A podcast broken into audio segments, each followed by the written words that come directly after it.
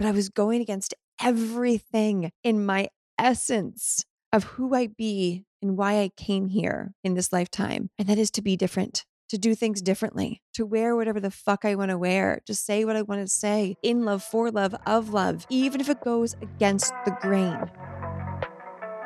This is a Soul Fire production. Welcome to the Embodied Woman podcast. If you are new, well, welcome. Hello, hi. If you are a regular, I love you. I love you. I love you. Welcome back. It truly is. It's such a fucking honor to be with you right now because you could be tuning in to anything else, watching something, doing anything else, but you chose to hit play on this episode, on this podcast. And that means so much to me because that means that you and I, we are on this path together, this path of self discovery, of remembrance, of embodiment of truth. Like we're walking this together. So, however you're feeling today, wherever you're at, just know I am right here fucking with you. And it is an honor to know that and to know that women like us are doing the work, that women like us are tuning into podcasts and learning and growing and expanding and doing it together. And know that there's other listeners on this podcast, on this exact episode around the world who are also walking this path right alongside you. How fucking incredible is that? That it's it truly is a we, a women like us do this type of work and we continue to show up again and again and again. So, fuck yes, more please. Today, we are going to be talking about how to not give a fuck and most importantly, why it's important. And I want to start off with a, little story time. A little story time. If you are in the Untamed community, you read this story in our recent newsletter. And I felt called to share it today with you too, because I have a feeling it's going to feel familiar. And the intention is it activates you in a way to remember even more on why it's important to not give a fuck. So I'm taking it back to early spring it was the start of a new adventure for me. It was the first day of sixth grade, big old sixth grade at my new school. My favorite form of self expression came through outfit choices. And having grown up in a small town in Colorado, my family and previous schoolmates fully accepted this. It was normal. I grew up in a town of know, a couple hundred people, teeny tiny. And so everyone was just themselves. We're just a bunch of mountain kids going to school, learning, doing our thing. So as I step out of my mom's 1998 white suburban, about to walk into my new school, not in Colorado, but on the East Coast, just outside of Washington, D.C. I was covered in Bath and Body Works roll on body glitter, rocking my brand new pink satin pants, a neon type top, and my head covered in butterfly clips.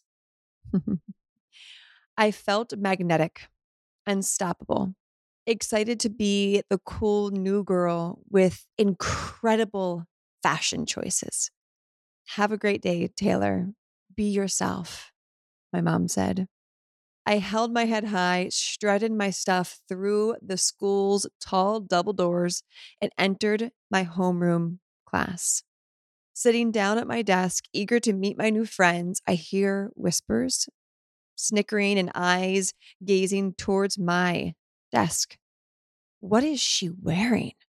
Who the heck is this girl? Her outfit looks like she put it together in the dark. Did she even look in a mirror? The next morning, I didn't reach for the body glitter, nor did I reach for it again for a very long time. I chose an outfit that looked similar to the girls at school and decided that fitting it in was way more important than wearing my new outfits. It wasn't until 13 years later I finally had the confidence to wear an outfit that fully expressed how I felt and who I was. 13 years. I built a version of myself and a life to appease others, to fit in. Now, I live a life that makes little Taylor, the one who is self expressed, covered in glitter, wears whatever the fuck she wants, owns her uniqueness unapologetically, proud as fuck, and have since started a global movement that helps women around the fucking world remember who they be, break down their walls, toss out the boxes they've been hiding in, and to be fully expressed, magnetic, and living their best lives. Together, women are rising. So, my invitation as you hear this story, where are you still giving a fuck? Where are you still trying to fit in? I did a past life regression years ago, and I've shared it here on the show before, but I want to share it again. I won't share the, the details of the past life, but at the very end, I went to heaven, I guess you could call it. And a lineup of my guides, of angels, ancestors were standing there. And I was about to drop back in to my present Taylor body. My consciousness was communing with these ancestors and guides. And just as I was about to fall back down into my body, they all looked at me in the eyes, goosebumps on my body, even mm-hmm. thinking about what I'm going to share. They looked at me in the eyes and said, Taylor, the world needs different. Boom, right back into my body. I came out of the regression, just tears streaming down my face. They want us to fit into these little boxes, to give a fuck what people think about us, how people perceive us, the jobs that we have, the clothes that we wear, the conversations that we have, the people that we surround ourselves with, the food that we eat, all of it, what we post on social media. They, the women, the men, people who aren't walking this embodied, untamable path want us to fit in to their box so they stay comfortable.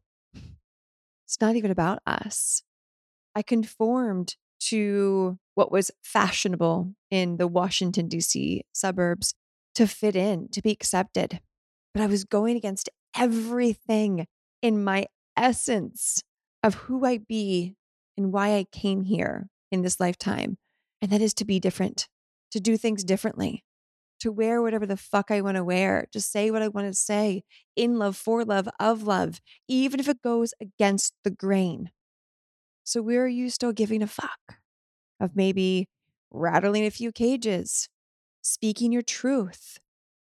One of my favorite things to share on stages with clients, the quickest way, I believe, and you may have heard me say this before, and I'm going to say it a million more times the quickest way to not give a fuck how people perceive you is to remember that they don't care about you as much as you think they do.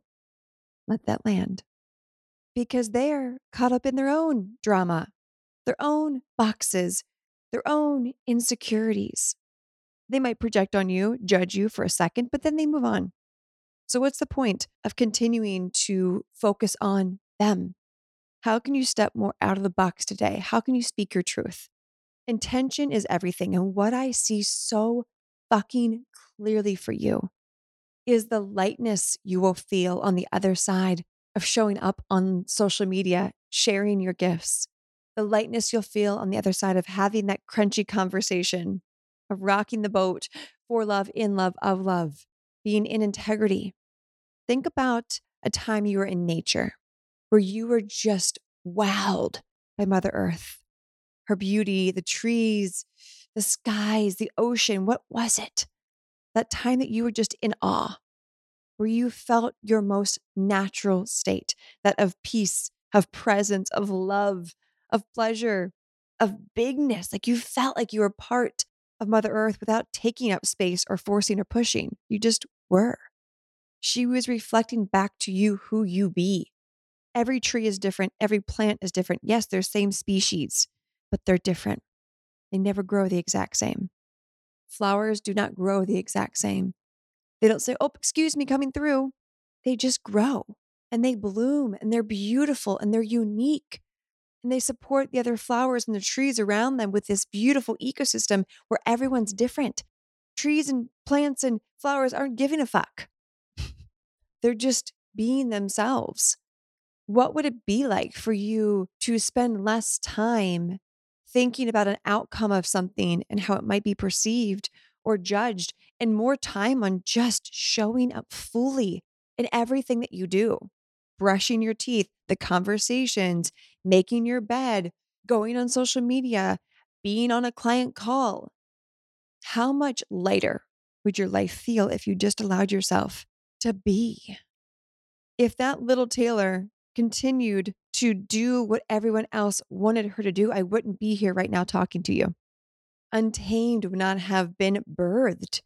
A community where women feel this deep sense of belonging, where they're given permission and activations and teachings to be their freest, fullest selves. Truly, where no fucks are given because that's the norm. That wouldn't have been created if I continued to live in the box, to fit in. Fitting in is like so 1995. Can we just agree on that? and that statement isn't for everyone. Some people love to fit in, they love it. They do the same thing every day, same thing at their job every day, wear a similar outfit every day, eat the same food every day. I eat similar food every day, but I shake it up here and there. And I'm not for those women, and those women aren't for me, and they aren't for us. Women like us are pave makers. We're the visionaries. We're the leaders. We pave new paths. We show up in new ways that give permission to other women who are like us but don't know it yet. So, how can you be a walking permission slip more than ever before, letting women know, like, this is what we're fucking doing now? Yes. Yes, I'm wearing a I'll even just take my outfit, for example, right now. I'm wearing a velour black suit, like sweatsuit. Eh, they're sweatpants and a zip up hoodie, and they're covered in tigers and stripes of rainbows up the sleeves. And I wear this to the grocery store, and I'm wearing a Costa Rica handmade crop top underneath. And do I get wild looks when I go to the grocery store? Pun intended with my tigers. yeah, but I don't even like doesn't even, it's like neutral for me. But what I do love is when people say, I, I love that outfit. I would never think to wear that. Or that's a snazzy suit. No joke, have received that's a snazzy suit comment while wearing this outfit. it begins with you and each choice you make. Are you choosing choices that allow you to be free and liberated and expressed whether that's through dance, through clothing, through art, through your content. The world needs different. It needs you. It needs your essence. This is what allows other flowers to bloom because you're fully blooming. This is what allows other flowers to plant their seeds to continue to grow more unique flowers. I can go on and on with nature analogies. I think you get the point. So, one small action today, that's your invitation. One small action to no longer giving a fuck, knowing that when we get out of our boxes and start living a life true to us, it shows our children, people around us, that it's okay to be different. This is how we become innovators, especially the age of Aquarius where new ideas flourish and bloom and grow because there is no attachment to how people will perceive it. So, what idea do you have that you've been holding, waiting for the perfect time? More followers, more money, more knowledge. And this idea wants to birth like you are 15 months pregnant. What idea, what gift, what service, what program, what offering, what art what innovation, what new thought wants to be birthed but you're still holding on to it. Let it be birthed, baby. Someone needs it. Someone is waiting for it. They're waiting for someone to be different, to provide something that's different. They don't even realize what they need, but when you serve it, they're like, oh my fucking God, that's exactly what I didn't even know I needed. Yes. Yes. That's a thought leader. A thought leader provides the next step before someone even knows they need it. And those that they resonate with, it's perfect. It's exactly what they needed. So, what can you birth? What ideas are ready to be seen in the world? How can you begin to step out of your box, do things differently, be you, shake it off? I don't believe we have to go back into trauma to show up fully. At this point in my life, I really do believe it's a choice. Are there traumas that affect how we see ourselves and our ability to feel physically safe? Yes, but that's not this conversation. I believe that it's a choice to give a fuck and not give a fuck. You could say, well, Susie was mean to me in school and did this and it was traumatizing. Yeah, awesome. But is that happening right now? No, it's not. It's done. It's not even in the past because there is no past. There's only the present. So, whatever past stories, past proof, past traumas that you're still clinging on to that are just an excuse, a band aid to not show up fully, I'm going to give you a little bit of tough love here. They're done. They're not happening to you anymore. They happened for you at a different present time to have you remember your power, remember who you are. And now you have a choice to show up. Are you continuing to drag things in your wagon, we like to say in Untamed, into the present moment that's no longer needed? What old jackets are you wearing? What safety blankets do you still have wrapped around you? Let them go. Let them go. They're no longer happening. What's happening is this moment right here where you get to claim who you be now, where you get to claim the timeline you are expanding into. You get to make that decision right now. No one took your power away. It's impossible. But in this moment, you have the ability to turn up your power, to say, I'm no longer going to give a fuck about what people think about me because it's my time to shine. I'm here to make an impact. I'm here to be in resonance with those who are in resonance with me, to support others, to shine, to pave a new path. Therefore, how can you make it your responsibility to show up more fully, knowing that the past is not a thing anymore, that the mind can't keep clinging to that?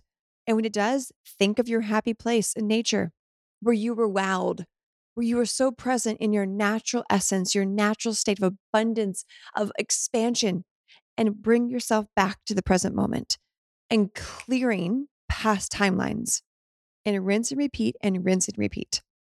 This is how it gets to be. It's up to you to choose it. It's up to you to claim it.